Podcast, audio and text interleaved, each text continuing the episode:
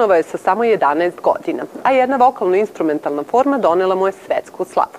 Franz Lehar je najveći deo svog opusa posvetio opereti.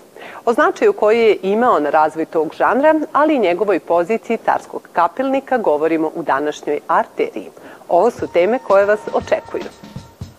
O knjizi posvećenoj Francu Leharu za arteriju govori koautorka Marijana Kokanović-Marković. Dela velikana violinske literature pod prstima mladih umetnica.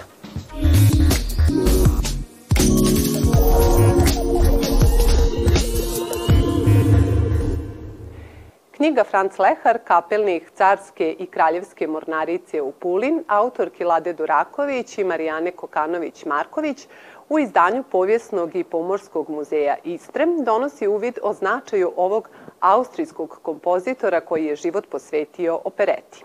O životu i radu Franca Lehara razgovaram sa koautorkom Marijanom Kokanović-Marković. Dobrodošli u Arteriju. Šta je najvažnije što ste otkrili o Francu Leharu tokom rada na ovoj knjizi i kako ste zajedno sa koleginicom iz Pule došli na ideju da istražujete upravo ovog autora? Pa, naš osnovni cilj je bio da osvetlimo Leharovo manje poznato stvaralaštvo koje je nastalo u tom pulskom periodu od 1894. do 1896. godine i zapravo da ga predstavimo i kao kapelnika Mornaričkog orkestra, koji je bio najznačajniji vojni, orkestar u austrougarskim snagama vojnim tog vremena, e, i s druge strane da ga predstavimo kao kompozitora. Dakle, šta je to što je on komponovao u tom pulskom e, periodu, što smo i učinile u našoj knjizi, to je negde i okosnica, odnosno glavni deo, naravno, pored drugih zanimljivih poglavlja koje ova knjiga sadrži. E, želela bih i da pomenem kolege iz inostranstva koje su nam bile od izuzetne pomoći prilikom arhivskih istraživanja. To su dr. Friedrich Atzenberger i Walter Schwanzer iz Austrije, koji su inače i specijalisti za austrugarsku vojnu muziku, kao i koleginica Marijuna Jezus Rucijero, e, zahvaljujući koje smo došle do dragocenih autografa Leharovih, redkih izdanja tih kompozicija iz pulskog e, perioda, što nam je u mnogome pomoglo zapravo da predstavimo njegov kompletan kompozitorski opus koji je nastao u Puli u ovom periodu. Franz Lehar je živeo u Trstu, Budimpešti, Beču i Puli, a knjiga obrađuje deo njegovog života provedenog u poslednjem pomenutom gradu. Po čemu je taj period specifičan? To je vreme njegove mladosti. On imao svega 24 godine kada je dobio to mesto kapelnika Mornaričkog orkestra i to je bila vrlo prestižna pozicija u to vreme, posebno za neko ko je bio tako mlad. On je ujedno bio i najmlađi kapelnik u to vreme kada je reč o austrugarskim vojnim orkestrima. To je bila sjajna pozicija, odlično plaćena u divnom mestu, na moru naravno i on je imao orkestar koji je brojao 110 vrstnih muzičara, što je bilo fantastično za jednog mladog čoveka.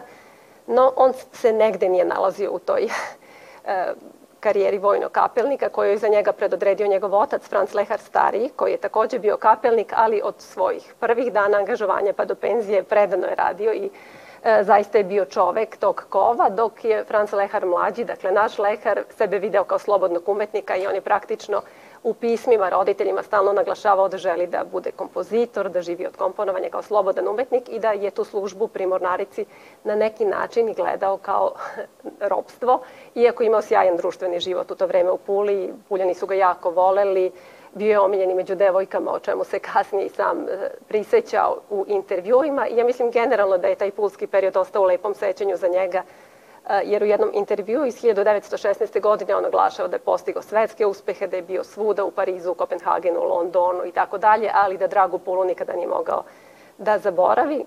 E, naglasila bih da on u Puli komponovao i svoju prvu kompletnu operu Kukuška, sa kojom je planirao da osvoji evropske pozornice i da na taj način i prekine tu karijeru vojnog kapelnika i da se okrene e, komponovanju i ta opera je u mnogo čemu odredila i kasnije njegov put umetnički. Naravno, opera mu nije donela financijski uspeh, ali ga je dovela do pred vrata operete žanra gde će on zaista postići svetske uspehe i mi danas kad kažemo Franz Lehar mislimo pre svega na, na operetu i na njegove operete. Koliko njegove kompozicije, kako operete, tako i solo pesme izvode danas solo pevači? Operete su veoma popularne i kao što sam već rekla, kada kažemo opereta, pomislimo naravno na, odnosno kada kažemo Franz Lehar, pomislimo pre svega na njegove operete. Pomenut ću ovom prilikom da smo mi u Puli organizovale jedan veliki koncert u Istarskom narodnom kazalištu, koji je ove godine realizovan konačno. Sve naravno planirano za 2020. godinu, ali usled svima nam dobro znanih korona neprilika, nismo mogli to da realizujemo na taj 150. Leharov rođendan kako je planirano. već tek ove godine, tako da je priređen koncert na kojem su izvedena značajnija dela, naravno opera nije izvedena tom prilikom, ali izvedena je simfonijska poema Il Guado za klavir i orkestar, kompletan ciklus solo pesama, Weidmanns Liebe, zatim poznati valcer Lepe Puljanke i sonatina za klavir. U Novom Sadu e, smo takođe na promociji imali muzički deo programa, tu nisu učestvovale kolege iz Pule, već moje drage kolege sa Akademije umetnosti. Inače, moram da naglasim da je promocija, odnosno predstavljanje knjige, filma i izložbe u Novom Sadu realizovano u okviru A-Fest festivala, dakle festivala Akademije umetnosti, a za muzički deo programa zaslužni su e, tenor Goran Strgar i pijanistkinja Nevena Softić koji su izveli dve pesme iz ovog ciklusa Weidmanns Liebe.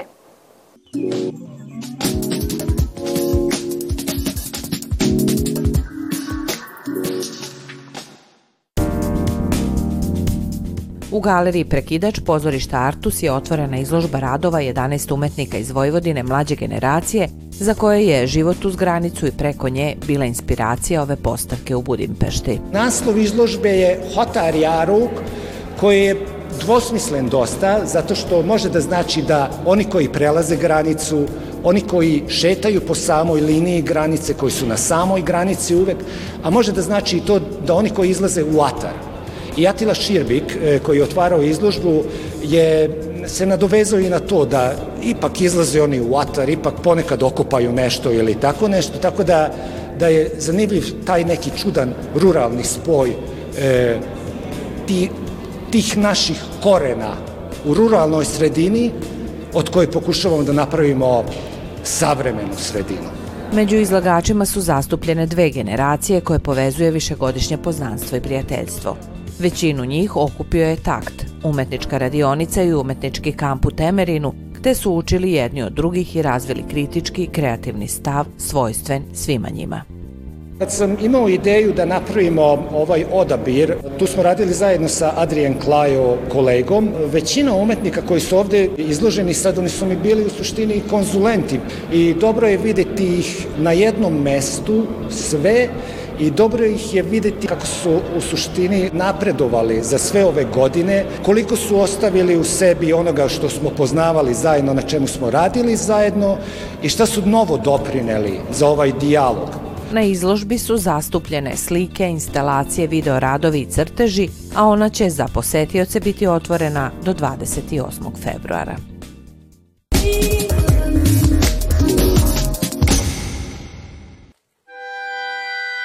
Miroslav Mika Antić, grandiozan kako u pisanoj reči, tako i u vizualnoj umetnosti. Njegov renesansni duh inspiracija je mnogim poštovaocima i ljubiteljima njegovog rada decenijama unazad. Upravo je život tog velikana bio nadahnuće za najnoviji dokumentarni serijal koji se sastoji od pet polučasovnih epizoda pod nazivom Miroslav Antić okovan u slobodi, čiju režiju potpisuje Aleksandar Karišik. Tim povodom u areni je održana promotivna projekcija. Shvatio sam da je sada možda idealno vreme da se napravi e, serijal o Miroslavu Antiću. E, prvo zato što imamo sada već jednu istorijsku distancu, je tako da možemo malo objektivnije da sagledamo ajde to delo manje više nego i biografiju i nepoznate činjenice iz njegovog života i tako dalje, a hvala dobrom Bogu još uvijek imamo jako puno dobro e, e, živih protagonista, prijatelja, kolega, saradnika, svedoka je tako, toga vremena. Za svojih 54 godine života Antić je uspeo da ostavi dubog trag kako u umetnosti, tako i u ljudima koje je sretao. Sa najvećim poštovanjem i ljubavlju, otkrivajući nam nove zanimljive informacije, u ovom serijalu o Miki Antiću govore Mira Banjac, Želimir Žilnik, Ljubivoje Ršumović, Petar Popović i brojni drugi. Trudio sam se da malo razvejem te neke predrasude o Miroslavu Antiću koji je svođen na dečeg pesnika i boema, a on je daleko više od toga. O, on je ozbiljan filmski stvaralac, e, slikar i tako dalje, i samo njegovo literarno stvarala što je onako dosta u senci te dečje poezije. Serijal će nam doneti neke do sada možda nepoznate detalje o Antićevom životu, njegovom poimanju umetnosti, pristupu stvaralaštvu, kao i neki detalje iz njegove biografije. Svi zainteresovani imaće priliku da isprate ovu dokumentarnu emisiju na našem prvom programu, čija je televizijska premijera zakazana za nedelju 22. januar sa početkom u 14 časova. 32. godine u Mokrinu.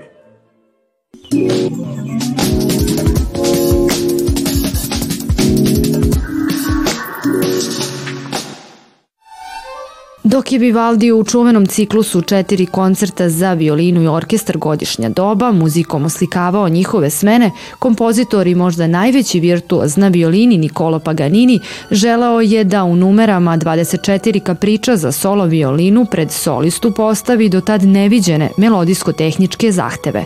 Poznati muzički stvaraoci Bach, Beethoven i Vijanjavski pisale su karakterno različite kompozicije za ovaj gudački instrument, a na koncertu u kulturnoj stanici Svilara imali smo priliku da čujemo kako zvuče dela ovih velikana u izvođenju Staše Žikić i Lane Zorjan.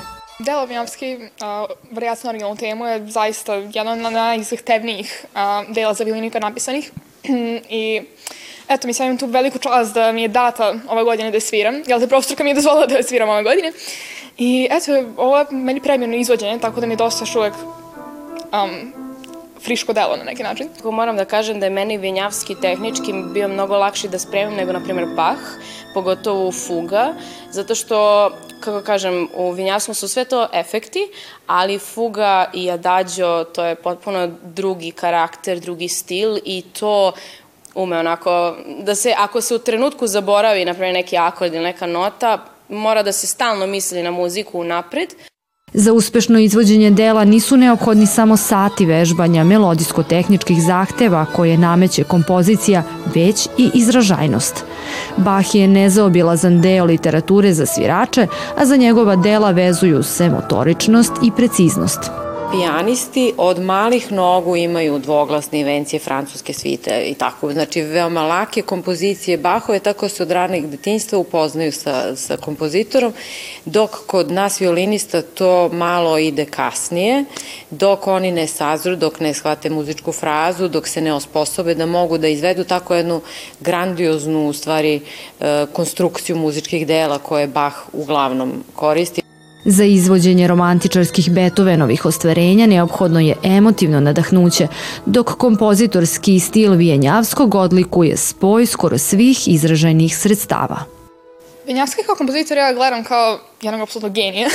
um, jako dobro spaja, mislim, meni, ja sam oduševljena generalno njegovim kompozicijama, ja sam već dosta kompozicija svirala njega i um, oduševljena sam njegovim spojem uh, lirskih delova sa izrazito zahtevnim tehničkim delovima, jel te baš se u ovom delu i vidi. Um, ima jako lepih uh, melodijskih mesta, jel te sporijih mesta, uh, divnih kantilena, a na drugim mestima je zaista jako tehnički zahtevno. A, što se tiče ovih sada romantičnih e, kompozitora, to ne može da se da detetu od 7, 8, 9 godina, jer jednostavno nemaju ta osjećanja i tu emociju da mogu da isprate takvu uzburkanu muziku, tako da se to otprilike tako tempira da kad oni počnu da ulaze u pubertez, da se tu malo počne da se radi. Tako da je izbor, do, dobar izbor programa je ključ uspeha, ja mislim, svakog pedagoga i svakog đaka i studenta.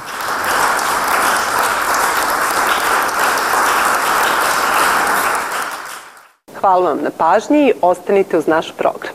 Do sutra, svako dobro.